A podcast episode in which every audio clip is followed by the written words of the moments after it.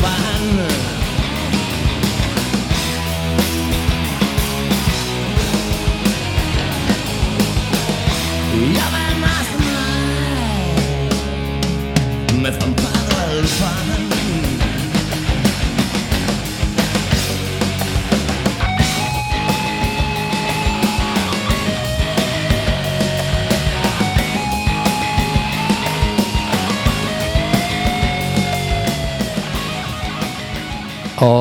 irmás e irmáns, benvidas, benvidos. Isto é Alegría en Cuac FM no 103.4 do teu dial. Se estás na Coruña e no resto do mundo a través de internet. Xa sabes, www.cuacfm.org ou a nosa aplicación móvil. Estamos a 7 de febreiro de 2024 Digo, por si nos escoitas en redifusión Oxe é o día dos medios en galego. Música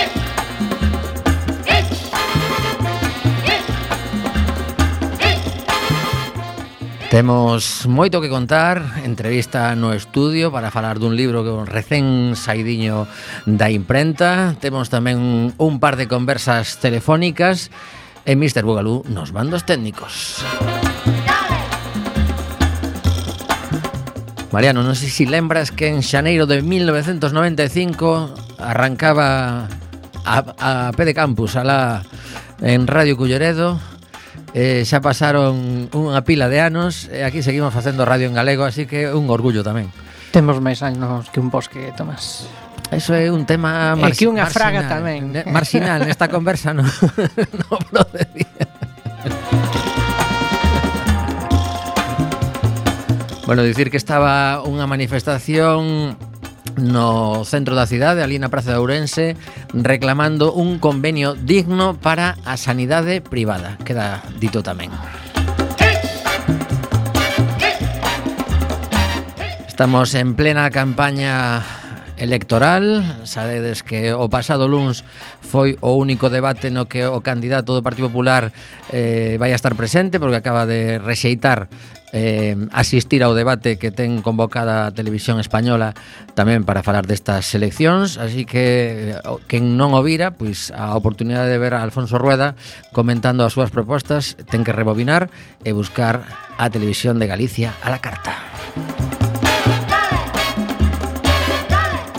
E como isto da radio tamén sempre ven acompañado de música, hoxe quixen traer unha desas cancións que por algún motivo extraño pois se me colaron un día así no corazonciño, un, un tipo que admiro dende fai moitos anos, que se chama Paul Weller, que pasou por varias etapas, na última pois co seu propio nome, eh, xa o digo, non sei por que hai cancións que a unha persoa lle chegan especialmente, a min este Friday Street que imos escoitar para comezar a alegría, pois foi unha desas que sempre na miña cabeza está de forma recurrente. Comezamos a alegría e imos falar de literatura e de medios en galego, das dúas cousas na primeira media hora do programa.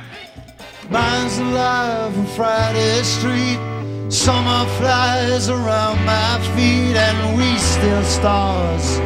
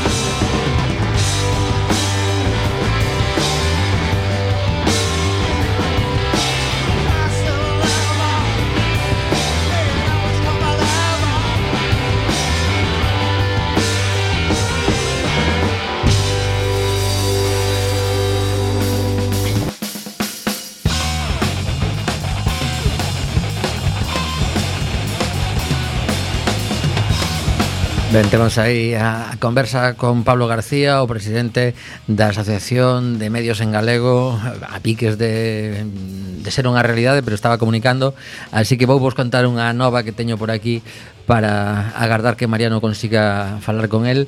Eh, chamoume a atención que a licitación de tres solares en Oleiros para construir 54 pisos protegidos quedou deserta.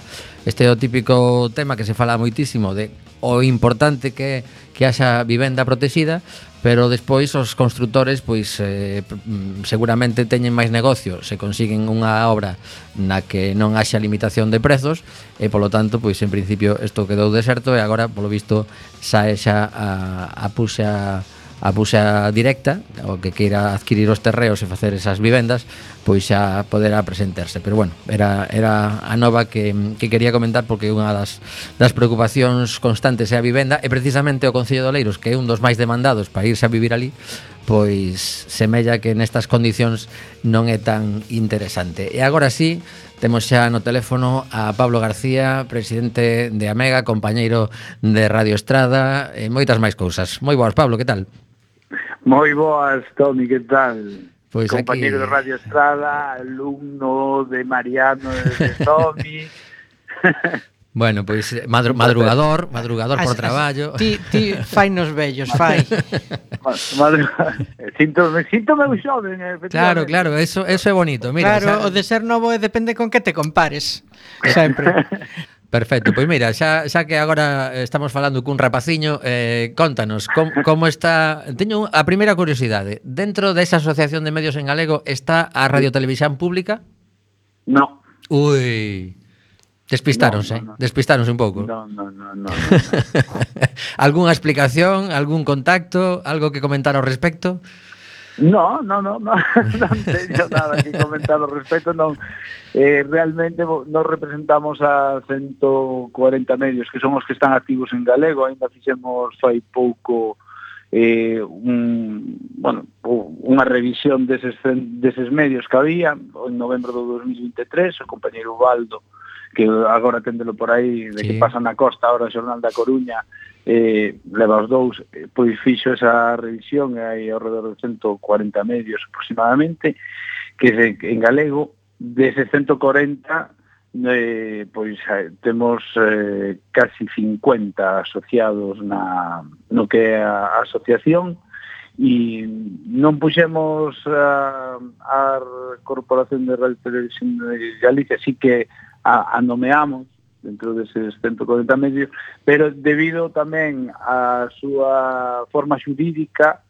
eh, impídelle estar, porque Ajá. os medios públicos teñen o máis complicado a hora de, de asociarse. Ah, Nos, vale, por exemplo, vale, vale. como, claro, como as radios municipais, como Radio Estrada, por exemplo, Radio Fene ou Radio Arzúa, eh, estamos dentro de, de Muga, e Muga sí que forma parte da, da asociación. Uh -huh. Vale, entón é pola forma xurídica máis que... Vale, vale, vale. máis que por non querer. Pois xa vale, que estamos... Hoxe... Que... Perdón, perdón, sí, acaba, acaba. No, que non sei se os meus predecesores, Enrique Sanfield, eh, paría contactos para para ver se querían aderir á asociación. Eu aínda non... Empecé o ano pasado como presidente de, de Amega, eh, estivemos, bueno, pues, sacando actividades a, adiante ao longo do ano pasado deste ano e por eso tampouco tiven tempo, que eso é a, a conta pendiente que teño agora de falar con de personalmente con, con estes 140 medios para, para ver que podemos facer para dar un xiro tamén a, a, as dinámicas da asociación. Vamos, que estás a, a xenda vai estar entretida entre uh -huh. entre os madrugóns, a familia, a outras tarefas e, e, e chamar a 140 medios. Sí. Bueno, pois hoxe, como dicía, eh, celebramos eh, o día 7, eh, o día dos metros en galego, aínda que voltaremos a falar deste tema porque o 24 de febreiro, que é un sábado, vai haber un roteiro moi chulo pola cidade pero para, uh -huh. para dedicarlle o tempo que merece, pois facelo molo eh, o, o, o mércores previo a ese día 24 e hoxe pois eh, simplemente queríamos facer esta chamada primeiro para para dar os parabéns por continuar con, con esta tarefa tan importante de que os medios teñan a nosa lingua como vehículo principal cara á ciudadanía e segundo, non sei se mm, dentro desas mm, conversas coa xente que estás máis máis en contacto, algunha reivindicación concreta ou algún desexo Sergio, de cara a este 2024? Sí, sí, sí, está, está clarísimo. Eh, vos sabe del anterior camín que levades pelexando coa administración desde moitísimos anos, antes de que eu supera o que era unha radio, quen di. Pero eh, antes do, do roteiro temos o día 22 tamén un concerto eh, de fillas de Casandra e Minjures aí na sala aí na Coruña tamén para celebrar o Día dos Medios en Galego. Uh -huh. E todo isto, esa parte festiva, reivindicación, pois estes 140 medios, máis dun 90% son de medios que saen con, con menos de cinco traballadores, non? As reivindicacións van sempre cara a falta de diálogo que temos coa Secretaría Xeral de Medios. Uh, as administracións que colaboran neste caso, pois sempre a Diputación da Coruña e a Secretaría Xeral de Política Lingüística. Parece que os medios de comunicación en galego non temos as mesmas opcións que teñen outros grupos mediáticos ou outros medios de comunicación que vienen de fora a hora de relacionarnos coa administración e a hora de, de, de poder concorrer a esas axudas da administración, axudas, publicidade institucional, convenios, podería seguir así, non? Entón, as reivindicacións sempre van nese, nese eido, parece mentira que nos recibiran antes no Congreso dos Diputados de Madrid que na Secretaría Xeral de Medios aquí en, en Galicia.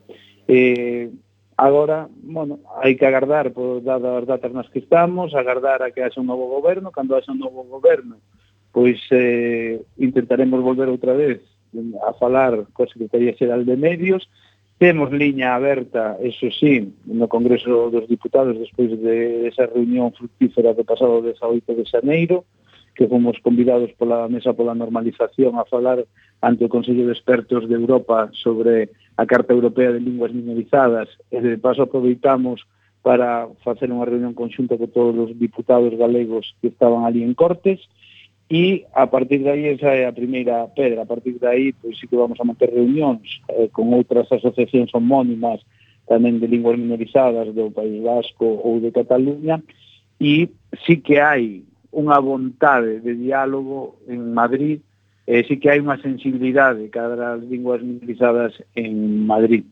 Entón, pois, por aí vamos a, a reivindicar os nosos dereitos, hai medios, teño diante miña, por exemplo, a revista Mazarelos, a revista Pincha, Código Cero, revistas escritas e impresas, o que está facendo nos diario é espectacular, non que poida sair un, un xornal, eh, xa non que poida sair un, un xornal diario en galego, senón que aos traballadores se lle pague dignamente, non?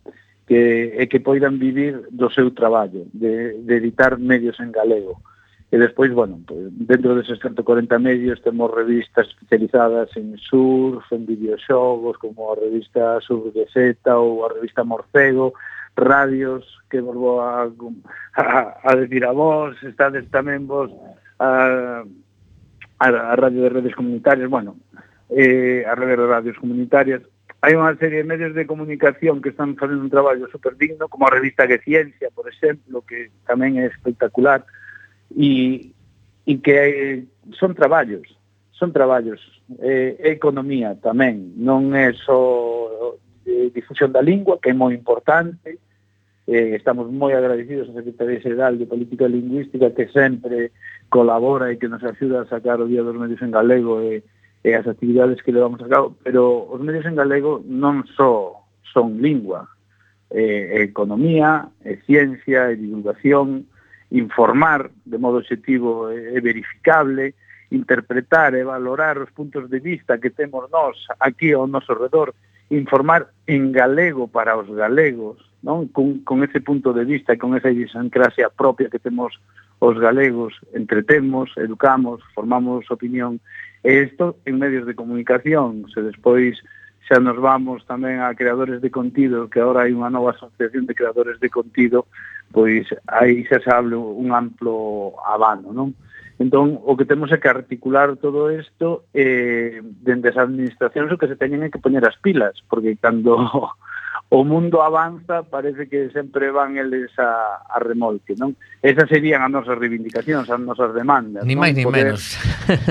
claro, no, poder concorrer nos, nos mesmos dereitos que os grandes grupos mediáticos a hora de, de acceder pois a convenios e a axudas das por decir que os medios en galego mm, poden optar a un % do, do que destina a Xunta a medios de comunicación. Poden optar, e para iso poden optar con outros medios de comunicación. Vale, entón, claro, aí xogamos en desventaxa, non? É como xogar un partido de fútbol cunha perna atada. A ver, é que o que vou facer, vou dicir eu cousas que ti igual agora que estás aí en representación do gremio é mellor que non as digas, entón digo a seu non é de recibo que a, que eh, a Xunta de Galicia que ten por mandato estatutario eh, ten, que, ten a obriga de priorizar a lingua galega, designe eh, nas súas axudas a medios un porcentaxe aplastantemente maioritario a medios que non emiten ou que non escriben ou que non se expresan maioritariamente en galego, senón que se, se, se expresan maioritariamente noutra lingua. Eh, e que ademais é trem, tremendo desequilibrio mm, que é o que ti estabas dicindo, non? O sea, que mm que se está financiando co dineiro, cos cartos da Xunta de Galicia que, insisto, teñen a obriga estatutaria de defender a lingua e a cultura de Galicia, pois outra. a lingua cooficial en Galicia, que, a ver, non está en risco. Sí, sí, eu, a ver, o que non se pode facer é sacar uns plegos de condicións para concorrer a unhas axudas e que cada ano vayan cambiando porque cada ano os medios de comunicación en galego van medrando, van se asentando e van podendo concorrer a eses a eses a esas axudas. Sí, non? que poñer a liña de meta un pouco máis lonxe, non, non claro, sexa que cheguen. Claro, efectivamente, non? E cando atopas un vacío, pois ao ano seguinte, en vez de axudar, parece que se poñen... Claro, e despois eh, é a falta de diálogo, non? Eh, non pode haber unha falta de diálogo tan grande ou non se pode circunscribir os medios a unha determinada área, porque son transversais, non? Entón, pois, aí estamos, aí estamos, nós, como sempre decimos, nós tendemos pontes. Estamos para tender pontes, eh, tampouco que nos tomen por pardos, obviamente, pero nós o que queremos é tender pontes, en eso estamos, non? As actividades do ano pasado era, xa iban nesa liña, as actividades deste ano tamén, eh, vamos a facer eses roteiros para que a xente coñeza a importancia dos medios de comunicación. O, o pasado sábado día 3 fixemos un roteiro aquí na estrada, e fixemos un repaso polos medios de comunicación que houbo non ao, ao longo da historia aquí na estrada tiñamos un, un xornal como El Emigrado de que cumpriu 100 anos no ano 2021 despois, bueno, eh, ahora xa non está obviamente, sí, pero fixera esa efeméride unha televisión tamén se tuvo unha televisión que claro, é inviable ter unha, unha televisión local hoxe en día casi eh, conseguiron que non se poida ter, non? Solo hai televisións en galego hai catro aquí actualmente, non? A máis destacada é Nos Televisión, que tamén están plataformas como R ou Movistar. Pero despois, Radio Estrada, por exemplo, ano que ven fai 30 anos. Eh, pois é un exemplo. Temos un premio de xornalismo aquí na Estrada. Que según íbamos facendo roteiro, a moita xente íbase dando conta que os medios de comunicación forman parte da súa vida. Uh -huh. Non? É que desa conciencia social non a podemos eliminar, non a podemos borrar. E nós informamos do que pasa aquí no local ou, ou en Galicia, pero tamén informamos para fora do que está pasando aquí, non só para os nosos veciños, non que informamos para fora e traemos novas coa nosa perspectiva do que está acontecendo fora, non? Eh, exemplo que sempre poño, mm, estamos máis enterados do que pasa en Madrid que do que pasa no noso Concello, non? Cando o proceso ai, que marchan as empresas de Cataluña, Dios mío, marchan as empresas, todos aquí preocupados porque marchaban as empresas de Cataluña sen darnos conta que estaban marchando as empresas galegas para Portugal. Eh, claro, eso pois igual tampouco interesa, pero es que eh, estás deprivando aos galegos e as galegas de, de estar informados, que é o seu dereito, non? Pabliño, Entonces, Pabliño, teño que cortar que estamos eh, con dúas entrevistas máis no programa de hoxe. Eh, eh isto dá para falar horas e horas, sí, sí. así que agradecemos moitísimo estes minutos que nos adicaches, eh, que continúe esa, esa mm, misión tan importante como é a dos medios en galego. Vémonos eh, eses días de celebración aquí en Coruña. Eh, estamos en contacto para calquera batalla que, que haxa que loitar. Unha aperta. 10 segundos, 10 segundos. sí, sí, di, di, dime, medios, dime, dime, sí, os, Os, os medios en galego celebran su 7 de febreiro porque foi cando saleu o teo Marcos da Portela de Valquila Mascarvajal no ano 1876, un xornal en galego que poden buscar en internet está digitalizado e que este ano fanse o 175 aniversario do nacemento de Valentín Lamas Carvajal, que se adicaron as letras no ano 1972 pero que hai que recuperar a súa figura que é moi importante. Nada máis, moitísimas grazas e a seguir aí. Un, un gran ano, 1972. Home, que o saibas. Maravilla, maravilla. Ti non naceras, pero hai xente que sí.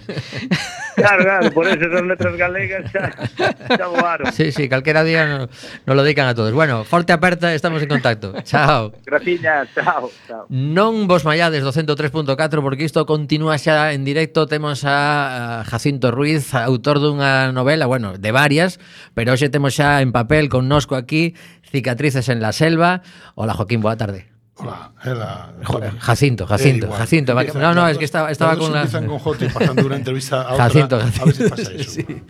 Bueno, ¿qué tal con, con esta novela? Estreo espectacular no Fórum Metropolitano Luns. Sí, parece que tiene además un bonito recorrido, luego veremos el resultado. En un principio el estreno en el Fórum fue bueno, muy bueno, con una, una buena asistencia. Eh, tenemos eh, presentación también en Ferrol, en Santiago, en, en la Casa de Madrid, en Lisboa. Tenemos varias presentaciones para ir. Las novelas, además, es bueno que dos años a lo mejor para realizarla tengan un poquito de recorrido, ¿no? Home, por suposto, eh, o esforzo neste caso ademais que é baseado nunha historia real, agora me estaba contando cando cando nos achegábamos a, a Zapateira que isto ten moitísima chicha detrás. Así que contalle a audiencia o que se poda contar para non destriparla todo. Para non eh. destripar la novela. Mira, a novela nace en una tarde bonita de, de Ferrol en el que la hija del protagonista me empieza a contar un poco la historia de su padre. Y yo me quedo sorprendido, me quedo sorprendido porque realmente eh, es una, una tarea realizada por un médico de esas que se desconocen, en un sitio en el que España ha tenido muy poquito que ver, que es la República Democrática del Congo, antiguo Congo, belga, eh, en el que hay, aparte de lo que tiene de raíz, de real, más bien histórico, y de ficción, porque es una novela, eh, personajes que son reales como Pablo Fernández Cartagena, que en la novela se llama Jorge Martínez, justamente porque la persona, las personas con las que se interrelaciona en un cuadro que se puede reducir como de abnegación, sacrificio y riesgo, pues eh, son ficción, pero todo lo demás, eh, eh, la novela comienza en 1960 con la independencia del Congo, eh, con Patrice Lumumba como jefe de gobierno, poco después con el asesinato en Katanga de, no voy a reventarlo mucho, pero claro, tiene unos raíces históricos que son ciertos. La revolución mulista de Piac Mulele, la llegada del Che Guevara allí para intentar que, eh, hacer lo que podía por una por una revolución eh, de carácter africanista, aunque la han intentado utilizar de comunista, es un africanista. eh, Lumumba es un africanista nacionalista. Entonces, bueno, pues esta, esta novela, repito, empieza en 1960 y yo la corto en 1970. Yo creo que incluso fatigado por el propio horror. Eh, el otro día se proyectó en, en el Fórum un documental, Blood Coltal, en el que se ve a día de hoy eh, cómo los países ricos extorsionados por los grandes eh, que el colonialismo sigue, caramba. Entonces, eh, lo que ocurría en 1960 con eh, rapto de, de jóvenes de, sus aldeas, asesinatos y se negaban de sus padres, violaciones de las mujeres como una especie de, tributo de guerra para obtener en aquellos momentos el, material que necesitaban para, para los coches. Pues después ha sido con, diamantes, ahora es con coltan y mañana será, creo que hay una tierra también que es rica en mercurio. La extorsión es continua y todo esto se propicia eh, favoreciendo mmm, señores de la guerra que están financiados por gente de fuera, en donde la violencia toma tal magnitud que el pueblo lo único que puede subir es justamente sumándose a tal violencia. Estamos falando de cicatrices en la selva, xa o comentei antes, pero supoño que unha das cousas importantes cando cando estás cun libro é atopar o título que, que quede na memoria. Sí, Como foi o sí, fue, no, teu caso? Fue un parto complicado, porque pasó por varios títulos durante, como te dice, la gestación de la novela. En un principio, porque tienes que tener alguna referencia cuando, una referencia cuando creas perfiles de, de personajes, el perfil de Pablo estaba claro, es un hombre que se marcha al, al Congo, que inicialmente deja a su familia aquí, que se entrega en cuerpo y alma a, a, a luchar contra la desnutrición, contra todo tipo de enfermedades. Además, él no es contratado por Naciones Unidas como médico, sino como onipaticien, que es como su nombre indica, algo que tienes que hacer, de quitarte una muela hasta operarte el hígado. Y luego acaba siendo el, uno de los principales eh, protagonistas en la erradicación, en la erradicación de, de la viruela en el Congo, y estamos hablando de erradicación. ¿Eh? que significa que se acabó la enfermedad. Eh, en el Congo todavía existe la poliomielitis y mientras que no se pueda erradicar esa enfermedad, sí, seguirá vigente. Y bueno, mmm, me has preguntado por, el título. En un principio, como eh, después de, de la guerra hay un hecho que todavía también está pendiente, que queda en la novela, a lo mejor se puede resolver, pero ya no como novela, sino como investigación realmente histórica, es los simbas que Pierre Moulet le lanza contra el gobierno, al final se llevan el tesoro. Y la, la, la novela se llama El tesoro de los simbas.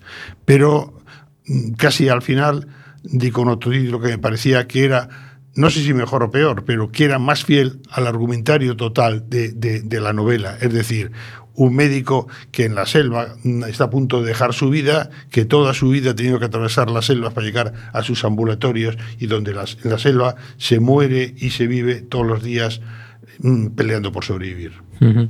De días estivo compartindo, bueno, leva xa tempo compartindo en redes sociais eh, Gabriel Tizón, un fotógrafo coruñés que, que está dende fallanos en en África cun proxecto dun, dunha ONG que el mesmo montou, que está pois levando sobre todo educación a, aos peques e a verdade que son, son imaxes impactantes as que, as que comparte. Eh, non sei se si, mm, durante o proceso tiveches moito que falar co, coa filla que nos decía que foi o, o, a, a persoa clave para que esta novela arrancase. Se ela xa tivo a ocasión de ler antes de que de que ti decidises que era eh, o libro definitivo como foi sí, o proceso? Yo eh, he tenido la suerte de poder hablar con, con sus padres. Tanto con su madre como con su padre, que estaban ya separados, eh, con Pablo Fernández Cartagena. Eh, bueno, se murió en diciembre, eh, con muy avanzada edad y ya un poco con, con pérdida de, de conocimiento y no recordaba algunas cosas o muchas cosas que son las que por lo que se cambia el nombre de Jorge Martínez en vez de Pablo porque algunas de las historias como ocurre con todas las novelas y nunca he intentado decir que esto es novela histórica que, que faltarían otros raíles más profundos pero los que tiene son suficientes ¿eh? son suficientes uh -huh. pues eh, pues Salomé me ha, me ha contado cosas, su padre me contó cosas, su madre me contó cosas, eh, gente que ha estado en el Congo me ha contado cosas, yo he leído cosas, eh, eh, eh, me he puesto en contacto con gente de Bélgica, que es donde realmente todavía están grandes archivos y grandes informaciones, co- concretamente sobre el tesoro de los Simbas, y bueno, con eso y, y un poquito así de, de imaginación hemos confitado este, este postre. Uh -huh. En algún momento tiveches dúbidas de por dónde tirar cando cando vas desarrollando os, os capítulos e a historia, supoño que hai momentos que, que se abren varias vías. E claro, hai veces que hai que sacrificar. Tienes razón, eh, se nota que sabes mucho de literatura. eh, en la novela generalmente se suele decir que hay dos caminos, uno es de mapa y otro es de, de brújula. En el mapa sabes dónde arrancas y dónde acabas. Yo sabía del primer momento dónde comenzaba y dónde quería acabar. Lo que no sabía era cómo rellenar aquel, ese montón de, situaciones. La otra es de brújula, como por ejemplo la anterior novela, que es Tres días y medio, en donde tú te abres a un, una novela en la que los personajes pueden de alguna manera empezar en Tombuctú y acabar en Córdoba, ¿no? En este caso, en este caso no, había eh, perfiles muy concretos, situaciones que, son históricas que yo no podía subvertir y personajes que nacen justamente para completar situaciones que son novela, es decir, las conversaciones que tiene Pablo o Jorge Martínez con sus con su entorno yo no he hablado con su entorno, aunque sí, con algunos también, otros médicos españoles y argentinos que han estado allí, pero no con todos. Entonces hay una serie de personajes que completan lo que casi con toda certeza ha hecho Pablo, en algunos casos con toda certeza, porque he hablado con ellos. O sea, la documentación, como por cada libro, es eh, o, de, o, debe ser eh, exhaustiva. Uh -huh. eh, que un, un dos momentos clave cando hai un país que se independentiza, neste caso de Bélxica, eh, comentabas eh, fora da antena que a Organización Mundial da Saúde é a responsable de contratar a todo ese persoal que vai para ali. Eh, sabes como foi ese proceso que fixeron unha convocatoria a nivel internacional? Sí, no, no, no. Eh, eh, la, la, actual República Democrática del Congo, yo recuerdo que era pequeño, muy pequeño, ya tengo mis años, recuerdo una cancioncilla que andaba por los barrios que decía, ¿qué pasa en el Congo? ¿Qué pasa en el Congo? ¿Qué blanco que pillan? Lo hacen mondongo. Ese mondongo eran los Simbas. Eh, a la muerte de, a la muerte, al asesinato en Katanga de, de Patrice Lumumba, sus ministros huyen, porque la muerte de, de Patrice Lumumba eh, nace de que él solicita a Naciones Unidas eh, una ayuda para evitar que Katanga se independice, Katanga en la zona divantera, en la zona rica, y no quería estar con los pobres. Entonces le dicen que estamos en plena Guerra Fría, hay que situarla también dentro del contexto, 1960, le dicen, le dicen que no. Eh, y, por eso, por eso lo matan, ¿no? Pero mm, la llegada de, médicos de casi todas las nacionalidades, menos belgas, nace de algo anterior a la independencia. Durante muchos años, el Congo belga, eh, casi prácticamente el mundo, se lo entregó para que el, el, rey Leopoldo II de Bélgica lo cristianizase, evitase las rafias de los árabes para llevarse esclavos, y lo que hizo fue esclavizar todo el, Congo, el Congo y someterlo como si fuera su finca a una, una locura. Algunos investigadores esto, como ocurre siempre en todos los casos, señalan que las víctimas de Leopoldo II pudieron llegar hasta 12 millones de muertos. Es la historia de cuando el caucho no daba la producción marcada a los quienes se le asignaba, para eso está histórico, le cortaban las manos o le mutilaban la boca. Eh, el horror es tan grande que ese mismo mundo que le ha dicho, toma, rey, diviértete con esto, le dice, bueno, basta aquí, y pasa a la administración belga. La administración belga pues hombre, no sigue por los mismos derroteros, pero tampoco cambia mucho los derroteros. Entonces, eh, ese sentimiento de independencia, de lucha, fructifica. En el libro hay un, una poesía al final de todo que, que, se llama Una mañana en el corazón del Congo, que es A Morning on the Heart of Africa. Esta es eh, en 1981, ha salido en Africa Today. ¿eh? Y, bueno, es una poesía que quizá explica lo que han sentido los, los congoleños durante la opresión, la opresión belga.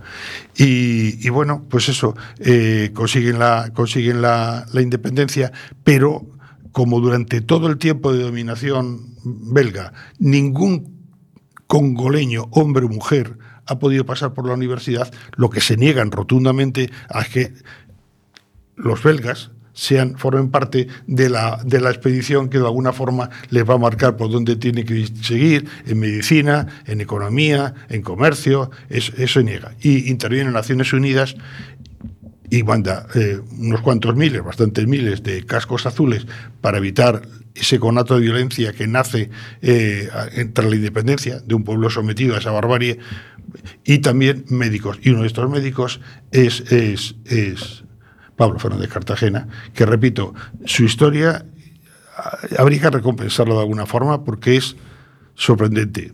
Hay premios, estaba escuchando antes lo que decíais, hay premios a mucha gente, por no por la cuarte, por, por, un poro de lo que ha hecho este hombre. Eh, entendo que mm, non hai eh, ningún documental que recoñeza ese traballo que estás a comentar de, de, de tantas xentes que, que de algún xeito deixan totalmente a súa vida para entregarse a, a non saben que, porque eu entendo que mm, seguramente chegaron ali sin saber que medios ian ter, sin saber realmente moitos No, o, está- o idioma incluso Este, él, él habla francés e inglés, era un hombre bastante muy preparado. Eh, él le asignan, eh, cuando estuve viendo otro día el documental de Bud Coltan, eh, le asignan justamente Kibu Norte y Kibu Sur.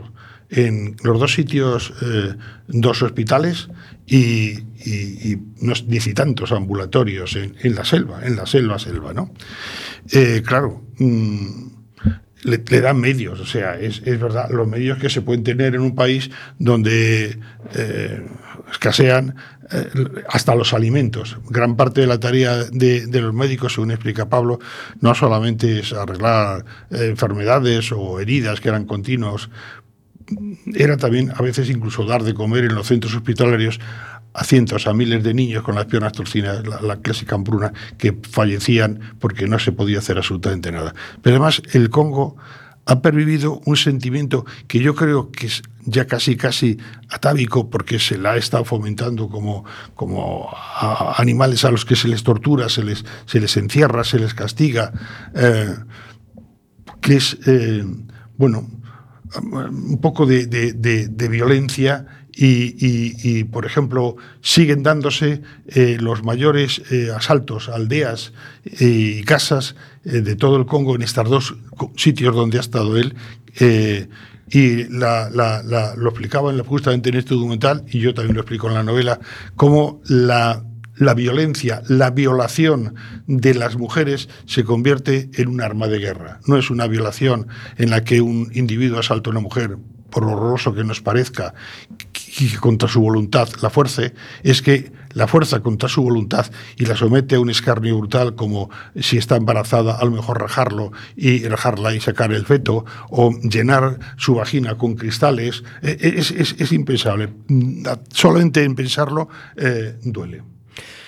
Sí, bueno, estamos. me acabo de quedar incluso sin, sin, voz por esto que nos está comentando, porque a barbarie humana. Mmm, no tiene límites. Eh, eh, absolutamente. Vémoslo día a día, pero, pero cuando se verbaliza de algún xeito, pues sigue, sigue impactando. Sin embargo, hay que decirte una cosa: que la novela como casi siempre entre los entre el horror, a veces también nacen las flores, es una novela que mantiene la pasión, la aventura, el amor, la heroicidad. Así que en los sitios más así aparece también eso.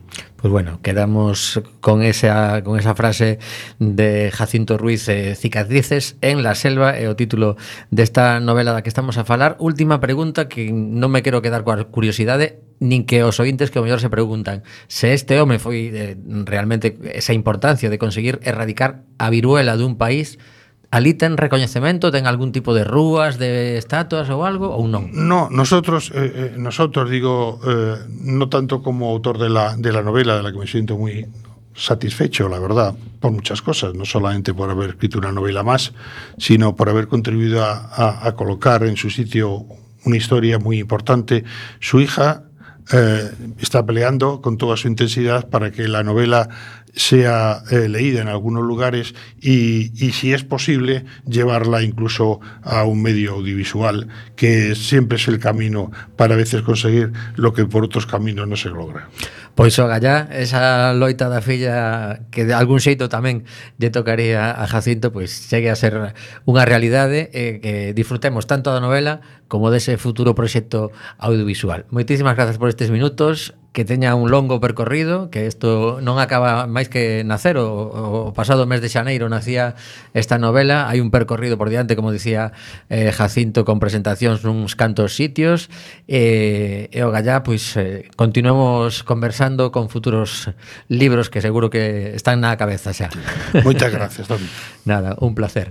Eh, falando de, de homes con cousas que contar, me traio a Joan Manuel Serrat, non sei se a Jacinto lle gusta. Es, cantante mi época. Bueno, pues, pues Además, temos soy aquí amante de los cantautores, de todos. Pues aquí traemos, traemos a, a Serrat con una canción que se titula Las malas compañías, que outro día saltoume eh, eh, estaba escoitando cancións de Serrat así un pouco en aleatorio e saltoume esta que comeza cunha frase que me parece gloriosa. Así que escoitámola. Este non ven sendo el. Mis amigos son unos atorrantes, se exhiben sin pudor, beben a morro, se pasan las consignas por el forro y se mofan de cuestiones importantes. Mis amigos son unos sinvergüenzas que palpan a las damas el trasero, que hacen en los lavabos agujeros y les echan a patadas de las fiestas. Mis amigos son unos desahogados que orinan en mitad de la vereda contestan sin que nadie les pregunte y juegan a los chinos sin monedas. Mi santa madre me lo decía, cuídate mucho Juanito de las malas compañías. Por eso es que a mis amigos los mido con vara y los tengo muy escogidos son lo mejor de cada casa.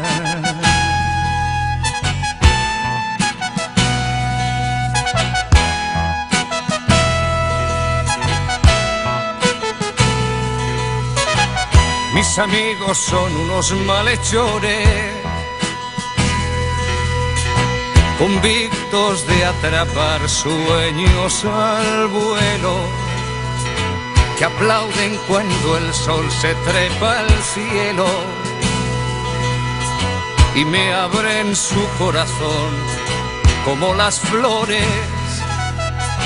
Mis amigos son sueños imprevistos que buscan sus piedras filosofales, rondando por sórdidos arrabales, donde bajan los dioses sin ser vistos. Mis amigos son gente cumplidora que acude cuando saben que yo espero si le roza la muerte, disimula. Que para ellos la amistad es lo primero. Para ellos la amistad es lo primero. Bueno, pois hoxe levamos un programa no que estamos falando con amigos que fan cousas. En este caso temos a Noel Miguélez, Noel Turbulencias para a xente de Quack FM, porque está en pleno crowdfunding, que saibas que agora mesmo acaba de entrar unha persoa e acabas de superar os 3.700 euros. Acabo de actualizar. Hola Noel, que tal? Boa tarde. Moi boa tarde, Toni. Moitas grazas polo vosso tempo.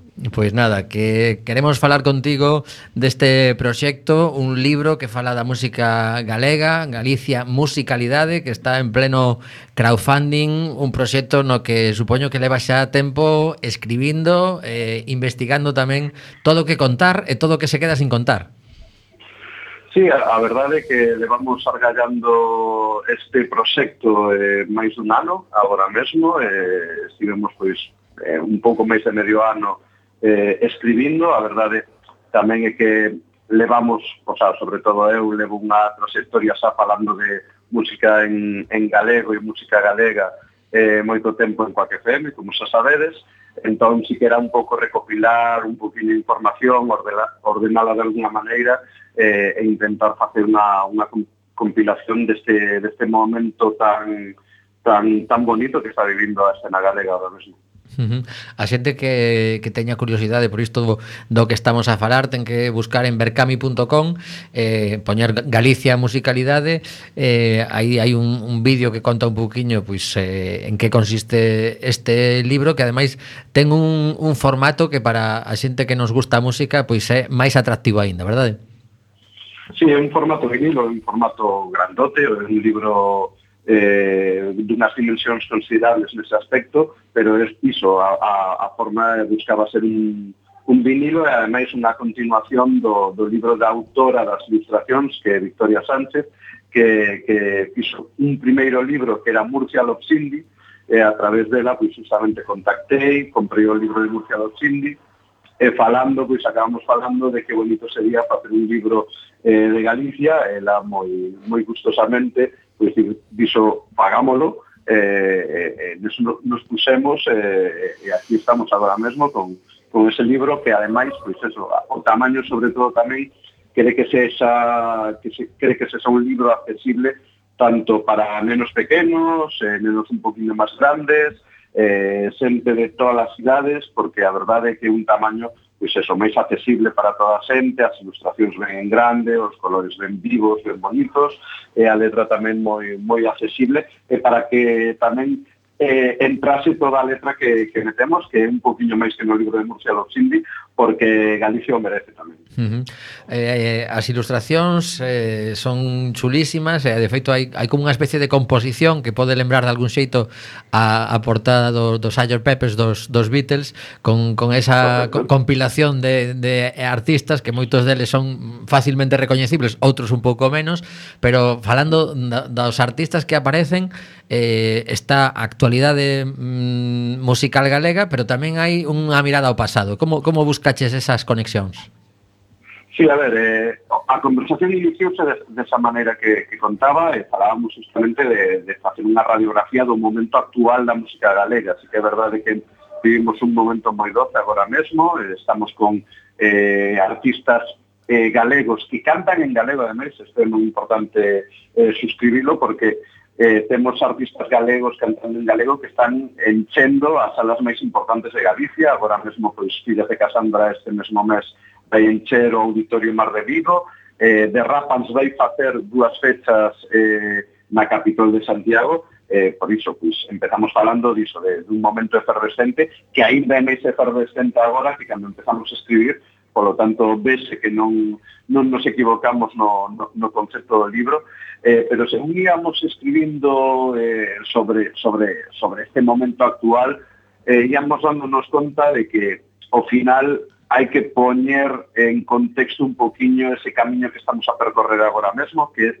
ese camiño o, o, o aduquinou eh, xente antes, eh, esa xente tamén é moi importante, estamos falando, pois, lógicamente, eh, de Luz Casal, de Los Suaves, eh, da movida viguesa, do rock grabú, eh, todas estas cousas que había que metelas no libro para crear un poquinho de contexto e para crear un poquinho de, de eso, ese de ese camiño que se iniciou eh, probablemente nos anos 50, 60, co, co inicio do pop eh, e do rock e demais, eh, ata que eclosiona pois, eh, neste século XXI eh, gracias pois, en parte ao rock grabú que falábamos antes, en parte a eses eh, predecesores dos, dos, que, dos que, que mencionábamos, pero tamén, pois iso, eh, sobre todo esas xente nova que está renovando todos os conceptos musicais que, que, que hai, eh, por iso, pois, vivimos como, volvo a dicir, un momento moi doce eh, da música galega agora mesmo. Uh -huh.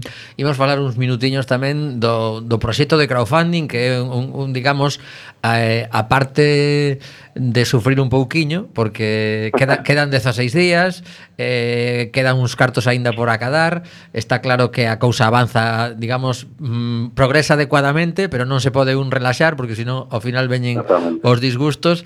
Eh, e para a xente que este afeita un pouco a, a este concepto, hai unha serie de recompensas nos que eh, te vas levar algo máis do que ven sendo o libro que despois estará disponible, pero a, a esta xente que aposta por un proxecto proxecto que aínda non pode ter nas mans, que diga, de algún xeito está confiando no voso traballo, pois hai que ofrecerlle cousiñas, así que contanos un pouco estes packs que ademais teñen algúns deles teñen nomes simpáticos. Sí, exactamente, pois eh, basicamente pois eso, eh, o crowdfunding é unha preventa, é un micromecenazgo, eh, e todos eses libros que imos prevender eh, algúns teñen recompensa. Podes eh, comprar un pack con tote bag, podes comprar un pack eh, de láminas tanto en galego como en castelán, o de galego chamábase morriña, o de castelán eh, creo que era telón de grelos, creo, creo recordar. Eh, temos tamén un pack deluxe, eh, pero non só el, eh, por, facendo referencia a, a ex banda de, de Soel precisamente, no que podes ter un poquillo tanto tote como as láminas como as cartas, que non as indiquei, que é un pack didáctico no que terás todas as cartas eh, dos artistas que aparecían debuxados no, no debuxo, e unha parte didáctica que teñen esas cartas é que por detrás, detrás irá pois eh, un poquinho cancións principais que poden ter, eh, discos importantes e intentaremos eh, meter tamén un QR para que poidan acceder directamente a, a unha canción ou a discografía ou algunha opción así. Eh, e despois, bueno, eh, lóxicamente tamén fixemos un pack para librerías, por se lles interesa alguna, un pack para asociacións, que tamén sabemos que hai algunha fin, eh, e eh, un pack de patrocinio por se alguén se quere lanzar a visibilizar a marca a vez que a cultura galega, que, que tamén é un un, un tema bastante importante pois posicionarse ne, nesa visibilidade da cultura. Eh, e pouquiño máis, pero creo que son todas bastante atractivas, eh, intentamos que, que os custes non foran elevados en ningún aspecto, eh, eh, tamén, pois, bueno, estamos falando de autosestión, por lo tanto, eh, necesitamos eh, ir eh, engadindo un poquillo dinero, dinero para, para non empezar tan eh, en números vermelhos, por así decirlo. Bueno, comentar para, para ir rematando que vai haber unha, unha tirada especial. Eh, celebrábamos en 2023 os 25 anos do concurso de bandas e solistas de Quack FM. Eh, decidimos tamén apostar de algún xeito dende, dende a túa casa por este proxecto.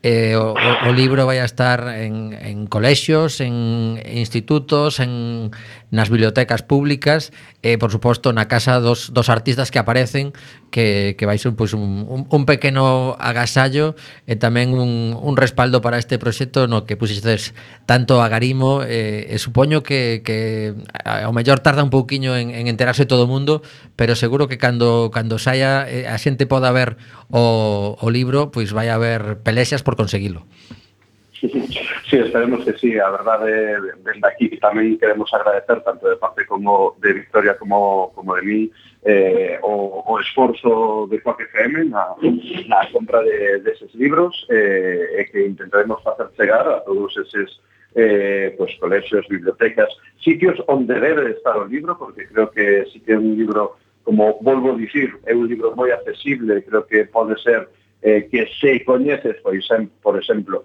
eh, coñeces as tanxugueiras que agora estiveron tan de moda, que estiveron tan eh, na boca de todos, pois que a raíz de eh, acercarte ao libro e ver as tanxugueiras, pois podas coñecer as fillas de Casandra, podas coñecer a Gran Amore, podas coñecer a moitísimos e moitísimos artistas que están enchendo agora mismo as salas da, da, da comunidade que, que bueno, pois iso, que estamos moi contentos e que é o sitio onde debe estar eh, e lóxicamente agradecer aos artistas porque ademais a gran maioría dos artistas participaron de alguna maneira no libro polo tanto tamén queremos agradecerles desta maneira eh, pois, eh, a súa participación e eh, o seu acercamento ao proxecto.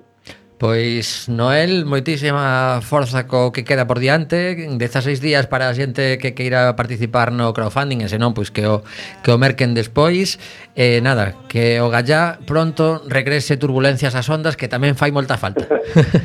Sí, sí, sí, temos que volver, temos que volver. É que estábamos liados.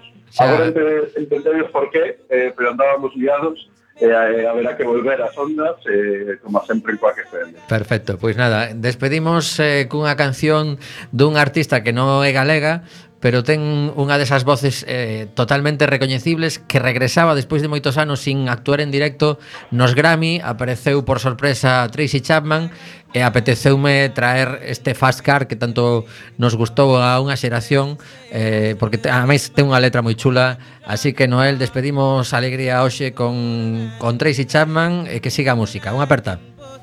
Unha apertiña moi grande e moitas grazas.